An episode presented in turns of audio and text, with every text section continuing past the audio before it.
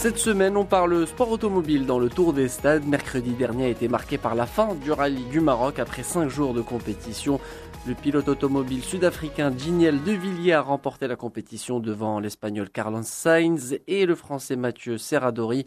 La traversée du désert a cependant permis aux automobilistes marocains de prendre part à une course de renom et d'emmagasiner de l'expérience à l'image de Soad Mourtadiri, première marocaine à prendre part au rallye tout-terrain. Notre invité de ce tour des stades revient sur sa course, ses ambitions pour le futur et les difficultés auxquelles elle doit faire face pour pouvoir participer à ce genre de compétition. Soad Mourtadiri est notre invité. Cette année, il était très très difficile par rapport à l'année dernière, donc euh, avec des étapes très longues aussi. Euh, en cesse Airfoot, Airfoot Fest, beaucoup de pistes caillouteuses et montagneuses. Il y avait de concurrents euh, potentiels comme d'habitude. Euh, sur ma catégorie Open, il y avait auto, euh, donc la compétition n'était pas simple.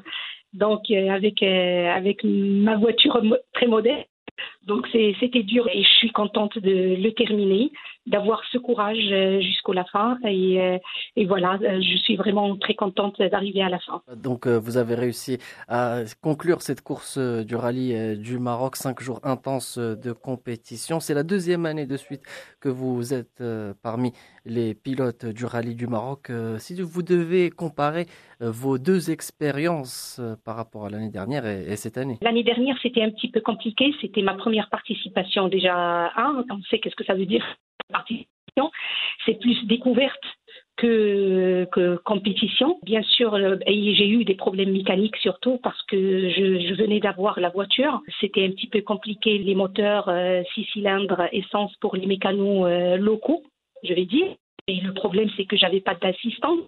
J'ai pris des mécanos sur place à Airfood. Moi aussi, j'ai appris euh, des choses par rapport à l'année dernière. Donc, euh, et c'est pour ça que cette année, j'ai réalisé une prestation meilleure par rapport à l'année dernière. Je vous avoue que c'est plus difficile que l'année dernière, ça c'est sûr. Je ne vais pas dire que c'est le même parcours, c'est le même départ et le même arrivée, mais les boucles, elles étaient différentes, mais assez dures, assez importantes. Les dunes, euh, les pistes, tout le monde a souffert de toute façon. C'était un très très beau rallye. Voilà, donc vous avez pris plus d'expérience avec cette deuxième participation au rallye du Maroc, un peu comme euh, les fédérations euh, locales des sports automobiles qui, pour la première fois, étaient euh, sur place pour ce rallye du Maroc. Est-ce que vous sentez qu'il y a un certain engouement ou une certaine évolution des, fédérations, par exemple, et du sport automobile au Maroc en général? Peut-être qu'aujourd'hui, nous sommes orientés vers les, les circuits, vers les kartings, mais pas beaucoup vers les rallyes tout-terrain. Sincèrement, je fais un appel qu'on prenne soin aussi de cette catégorie du sport